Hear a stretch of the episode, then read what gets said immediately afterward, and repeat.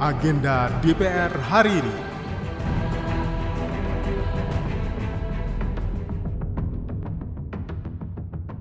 Ahmad Hafiz Tohir, anggota Komisi 11 DPR RI, melakukan kunjungan kerja ke dapilnya di daerah Sumatera Selatan 1 yang meliputi Kabupaten Banyuasin, Kabupaten Musi Banyuasin, Kabupaten Musirawas, Kabupaten Musirawas Utara, Kota Lubuk Linggau, dan Kota Palembang.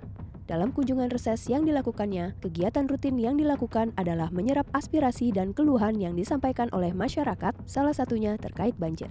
Di ujung tahun atau di akhir tahun itu musim hujan kan turun terus sehingga transportasi itu banyak yang putus karena jalan terendam banjir dan juga air bersih juga menjadi susah di daerah-daerah resapan hujan karena daerah pemilihan saya itu hampir separuhnya adalah daerah rawa Nah ini juga menjadi perhatian kami karena memang jangankan Sumatera Selatan yang infrastrukturnya lemah, Jakarta aja kalau hujan banjir. Jadi memang ini persoalan yang harus kita hadapi klasik tahun ke tahun dan saya rasa tidak bisa selesai dalam satu tahun dua tahun ke depan. Hmm. Jadi memang ini kerjaan yang harus kita rapikan dari sejak di sekarang sampai nanti kita sudah siap untuk menjadi negara yang cukup maju katakanlah dari sisi transportasinya.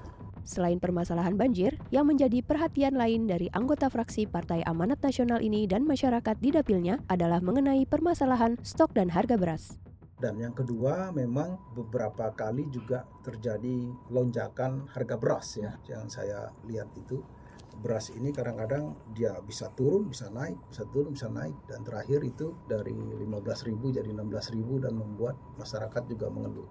Padahal kita sudah cukup banyak impor beras ya uh, saya nggak ngerti kebutuhan beras ini apakah ada mafia berasnya? Apakah ini di memang jangkauannya yang sulit ke daerah-daerah tersebut sehingga terjadi kenaikan? Kalau saya cek di pemerintahan stok beras kita cukup banyak. Karena kita melakukan impor untuk menjadi penyangga buffer beras kita Selain menyerap berbagai aspirasi dari masyarakat, Hafiz Tohir juga memberikan literasi kepada masyarakat dengan berkolaborasi bersama lembaga-lembaga lainnya, di antaranya Otoritas Jasa Keuangan dan Bank Indonesia.